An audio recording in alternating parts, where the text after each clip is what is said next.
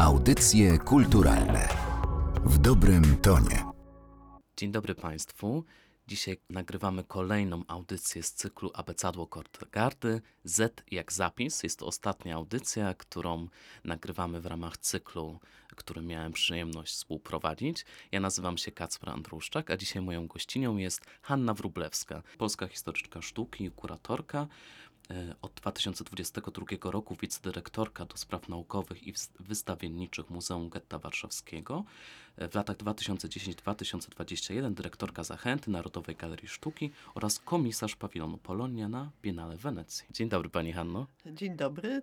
Bardzo się cieszę, że, e, że, że porozmawiamy na taki temat dość metaforyczny, bo audycja brzmi Z jak zapis i chciałbym zastanowić się razem z Panią, na temat pamięci, porozmawiać na temat pamięci w sztuce. Pamięci, jaką sztuka mm, można zaproponować, czy w ogóle sztuka, wystawa e, w galerii sztuki E, jest dobrym medium, żeby opowiadać o na przykład pamięci historycznej czy o wydarzeniach historycznych, bo takich wystaw w Kortegarcie mieliśmy kilka, na przykład e, wystawa Niepamięci upamiętniającą zbrodnię katańską, czy wystawa Pamięć z 2020 roku z okazji rocznicy wyzwolenia e, Auschwitz-Birkenau, więc tych wystaw takich historycznych, nawiązujących do pamięci w Kortegarcie mamy wiele. Jak tak. pani myśli? Czy, czy to jest wystawa Pamięć 1943, tak, tak. czyli ta wystawa, w której byłam współkuratorką, a która w jakiś sposób dotyczy rocznicy powstania w getcie warszawskim, ale tak naprawdę nie tyle mówi o samym, samym powstaniu, co mówi o pamięci, która jest związana z,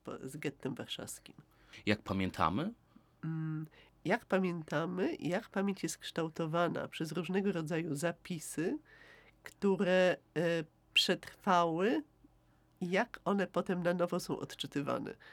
Bo myślę, że pamięć to z jednej strony to jest coś bardzo prostego, a z drugiej strony coś bardzo skomplikowanego.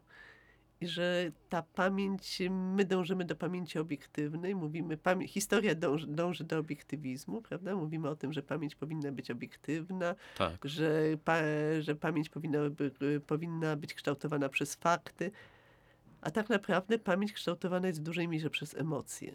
I może dla, dlatego sztuka jest tak świetna w przekazywaniu pamięci, bo jednak sztuka działa nie tylko na wiedzy, ale działa przede wszystkim na emocjach. A sztuka współczesna, która bardzo jest nielubiana przez część społeczeństwa, ponieważ jest niezrozumiała, w swojej niezrozumiałości jest jeszcze lepsza do tego, żeby pokazywać fenomen pamięci, bo jednak y, pamięć to jest coś, przy czym należy się postarać, prawda? Wszystkie takie rzeczy, które wydają nam się proste i oczywiste, one są, są zbudowane w sposób bardzo skomplikowany i należy wiedzieć i pamiętać, że to, co pamiętamy, nie zawsze jest tym, co jest i czym było.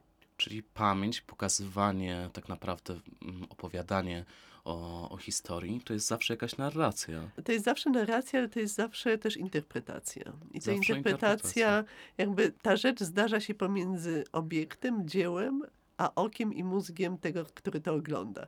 I oczywiście tutaj pewną rolę odgrywa kurator, który tak tą narrację buduje, czy tak te rzeczy pokazuje, żeby pewne skojarzenia, brzydkie słowo, wymusić, prawda? Ale jednak bardzo dużo jest takich wystaw też nieoczywistych. I jakby ta wystawa planszowa, czy wystawa propagandowa, tym się różni od wystawy z dziełami sztuki czy z obiektami, że ta druga może być bardziej, pozwala sobie być na bardziej nieoczywistą i pozwalającą na większą interpretację właśnie między okiem a mózgiem tego, co ogląda.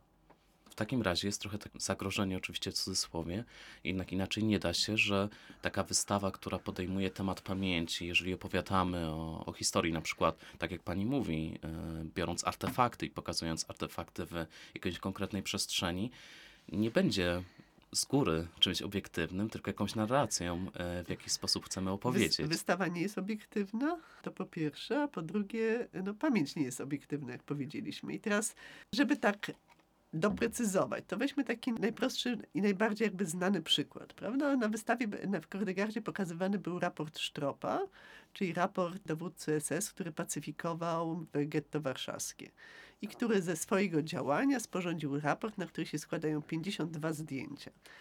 I zdjęcia, więc wydawałoby się nam, że coś obiektywnego, prawda? Co więcej, te zdjęcia dzięki internetowi, dzięki drukowi, one obiegły cały świat. I obiegły tak, że nawet odkleiły się od tego, kto je zrobił. Czyli pamięć wizualna w powstaniu w getcie kształtowana jest w dużej mierze przez zdjęcia z raportu Sztropa. A teraz ktoś zauważył, że słuchajcie, ale te zdjęcia były robione przez oprawcę. Czy rzeczywiście one pokazują, oczywiście one są też świadectwem zbrodni, ale pokazują coś, co zostało wyreżyserowane, też bardzo często ustawione przez oko oprawcy. To oni mieli aparat, to oni mieli tą możliwość ustawiania ludzi i czy rzeczywiście to jest pamięć jeden do jednego. No nie, więc teraz y, jeśli chodzi o pamięć wizualną, to jest to, na co my jesteśmy skazani. Jeśli chodzi o pamięć historyczną, powiedzmy sobie, że mamy jeszcze świadectwa ocalałych, mamy książki, więc tutaj możemy porównywać. Możemy czytać rozmowy z Katem Moczarskiego, ale też możemy czytać to, co pozostawili po sobie ocalali. Ale jeżeli chodzi o pamięć wizualną, no tu jesteśmy niemalże w, w cudzysłowie mówiąc skazani na zdjęcia, na zdjęcia oprawców. I teraz co muzea, czy co ludzie, którzy robią wystawy, powinni z tym faktem zrobić? Nie pokazywać, pokazywać z komentarzem, pokazywać inaczej. Jak mamy na wystawie pracować, żeby ta pamięć, którą przekazujemy, była w pewnym momencie też taką pamięcią krytyczną. Tak, to są zdjęcia, to są zdjęcia z, z dokumentu y, niemieckiego, to są zdjęcia, które są świadectwem, ale nie wszystko było tam. To znowu, to nie jest pamięć obiektywna, to jest pamięć oczyma oprawców. Oprawców akurat e, w tym przypadku. Pani Hanna, tak się zastanawiam, jak, e, jak pani opowiada e, i ciekawy jestem pani zdania. Jak pani uważa, jeżeli organizujemy wystawy i także wystawy historyczne, ale nie tylko, to uważa pani, bo mamy dwie tendencje tak naprawdę do pokazywania i opowiadania o wystawach. Taka tendencja narracyjna, gdzie Oczywiście, gdzie pokazujemy artefakty, em, pokazujemy rzeczy, mm, tak jak pani mówi, dokumenty, książki, zdjęcia, albo taka wystawa, oczywiście to wszystko mówię w cudzysłowie, możemy używać wielu nazw, albo taka wystawa, która dotyka nas jakoś tak emocjonalnie, na przykład jak e, cała wystawa zaprojektowana w Muzeum Polin, że na przykład możemy wejść w, interakcję, możemy dotknąć różnych rzeczy, niekoniecznie oczywiście wtedy artefaktów, Mhm. tylko jakichś takich rzeczy No, wystawa, w- wystawa stała w Polin to jeszcze jest coś innego, bo to jest jak, najby, jak najbardziej wystawa narracyjna, tylko wystawa jakby intermedialna, to znaczy taka, która aktywizuje też, y, Tak, tak, ma za tak, tak, zadanie tak. nas aktywizować, Ale prawda? Poprzez, tak, tak, poprzez tak. działanie. I właśnie chodzi mi o odejście od, od, e, od artefaktów, od, e, właśnie od artefaktów, od rzeczy historycznych na rzecz e, aktywizacji. Powiem tak, y, wyobrażam sobie, że mogę odejść od artefaktów, jeżeli t- robię, wyobrażam sobie, że robiąc wystawę mogę odejść od tak zwanych artefaktów, jeżeli to robię pod rękę z artystą czy z artystką. Mhm. Znaczy musimy po, pa, pamiętać, że sztuka współczesna też nie produkuje tylko dzieł, prawda? No że tak. sztuka współczesna jest to też idea, czy też nawet zapis, koncepcja, dzieło. I w tym momencie ja się zgadzam przy robieniu wystawy odejść od, y, od artefaktów. Natomiast takie całkowite bazowanie tylko na nowych mediach, no to już wszyscy wiedzą, że jest to passé bo nowe media mamy w domu, mamy w telefonie i po co iść na wystawę, prawda? Ta wystawa musi być jakby, musi być przekazem samym sobie. Wystawa jest medium. Wystawa jest osobnym medium. Te osobnym medium jest aplikacja, osobną, osobnym medium jest książka, osobnym medium jest wystawa. I teraz y, jakby przybliżając to, tak urealniając z punktu widzenia pragmatyka, to mogę powiedzieć, że byłam ostatnio po latach zobaczyć panoramę racławicką. Prawda? Wrocław, specjalnie zbudowana architektura, narracja teatralna, wchodzi się i ogląda się dzieło i słychać głos ofu. I bardzo mi się to podobało, nie jako dzieło sztuki, tylko właśnie jako pewne zjawisko społeczne, jako pewien taki steatralizowany sposób pokazania pewnej rzeczywistości, który został, był używany w końcu, w końcu XIX wieku. I tam to była wystawa jednego obrazu i to też było, prze, zanim powstało kino, czy zanim powstały tak zwane, tak zwane nowe media, było to dosyć częste. Dzisiaj co najwyżej podróżują duże wystawy blockbustery, kiedyś podróżowały pojedyncze obrazy. Czy była to bitwa pod Racławicami, czy, był to, czy była to bitwa pod Grunwaldem Matejki, która przecież też była swoistą taką, swoistym obrazem, obrazem podróżującym. Także wystawa to jest specyficzne medium. To jest oczywiście medium, które, gdzie możemy używać i obiektów, i artefaktów, i zapisów, i multimediów, natomiast ona musi, być, musi się całościowo bronić jako wystawa. I musi angażować emocje widza, ale też jest ok, jeżeli an- an- angażuje intelekt. No bo trzeba powiedzieć, że emocje dosyć łatwo angażowane są w takie uczucia skrajne albo to, co ludziom się podoba, to jest kicz, prawda? Bardzo często, że ludzie, to już ze starych czasów, że ki, ludzie kochają rzeczy kiczowate, więc jak mi się coś za bardzo podoba na, e, od początku, to mam taki niepokój, czy rzeczywiście to jest e, to, co się sprawdzi przy drugim, trzecim, czwartym odbiorze.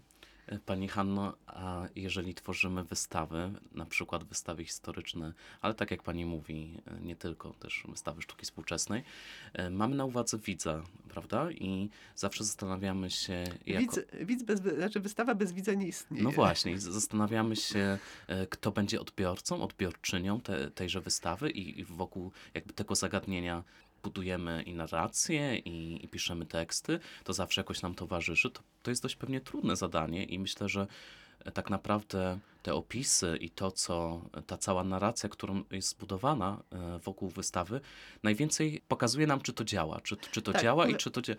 Znaczy, co, to, co to znaczy, czy to działa, czy nie? Bo czasem... my- Bo na przykład e, takim e, z mojego doświadczenia, Mhm. tak jak teraz wróciłem ze Stanów, z Nowego Jorku, tam wszystkie opisy we wszystkich muzeach, na, na przykład w wystawach Hoopera, są bardzo proste, bardzo Tak. prostym językiem napisane, bardzo prosty język angielski, aby każdy, każdy z nas mógł, e, mógł taki opis rozumieć. W Polsce nie jest to norma, te e, wstępy kuratorskie są za- zazwyczaj bardzo trudne.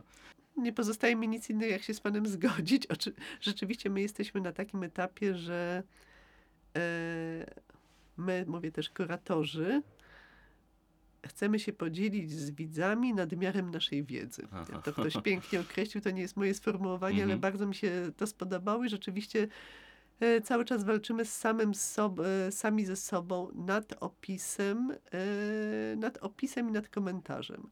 Różne są, różne są szkoły. Rozumiem, że w muzeach, e, w muzeach sztuki dobrze, jeżeli opisy są proste. Natomiast to nie jest tak, znaczy opis powinien być prosty i zrozumiały, natomiast to nie jest, są różne wystawy skierowane do różnych ludzi. To nie jest tak, że e, musimy w tym samym momencie zagospodarowywać 80% społeczeństwa. Wyobrażam sobie, że są pewne wystawy Niszowe. niszowe, które są z gruntu robione jako niszowe i mają trafić do 2-3%, ale nam jako społeczeństwu per saldo też się to opłaca, że ten 1-3% dostaną taką wystawę, z której potem dla nas wszystkim, czy dla nas wszystkich co, coś wyniknie. Co nie znaczy, że, że tam też nie, powinny, nie powinno się pracować nad podpisami. Tak, jestem za tym, żeby po- podpisy były proste i zrozumiałe, ale też wiem sama, jakie to trudne. Jakie to trudne, to prawda. Oczywiście, oczywiście, że tak. E, Wracając do tego głównego tematu pamięci, zastanawiam się też, jak mm, budowałem taką siatkę skojarzeń z, z tych pojęciem, jak to jest, e, Pani Hanno, że zapamiętujemy tak naprawdę z każdej epoki, nawet jak uczymy się o historii sztuki czy o historii kultury, tylko kilku. e, ki- Wydaje mi się, że jak już kilku z jednej epoki, to i tak jest dużo, czasem tylko jednego artystę z danej epoki, z danego wieku e, i kojarzymy na, mm, konkretnego artystę z, z konkretnym nurtem, a reszta przepada. To jest, to świadczy o geniuszu artysty, czy jak pani sądzi? No, trudno powiedzieć. Jest taki, kiedyś pamiętam, była tak w młodości, czytałam takie opowiadanie Marka Twena, e, Podróż kapitana Stormfielda do Mhm. nieba. I on tam, e, kapitan, który trafił do nieba, byli mu przedstawiani różni artyści, którzy tak naprawdę byli najwspanialszymi artystami, ale na, na ziemi im się nie udało. I, i w, tym, w tym oto prawdziwym niebie, gdzie każdy został doceniony, to nie William Shakespeare był najwybitniejszym dramaturgiem i poetą, tylko ubogi szewc, któremu się nie udało, a tam został doceniony. Więc może, mo, mo, można stosować narrację Twena. Oczywiście jest y, pewna grupa artystów, Rembrandt, Rubens, y, Leonardo da Vinci, którzy Monet. stali się takimi ikonami sztuki, prawda? I na to złożyło się bardzo dużo rzeczy i na pewno wielki geniusz i talent tych artystów, ale pewne, pewien też sposób ich e, funkcjonowania w społeczeństwie i sposób, w jaki ich dzieła potem funkcjonowały. Natomiast można powiedzieć, że teraz w każdej epoce na nowo odkrywa się pewnych artystów. I teraz odkrywa się, czy po całej tej dyskusji, dlaczego kiedyś nie było wielkich kobiet artystek, Mhm.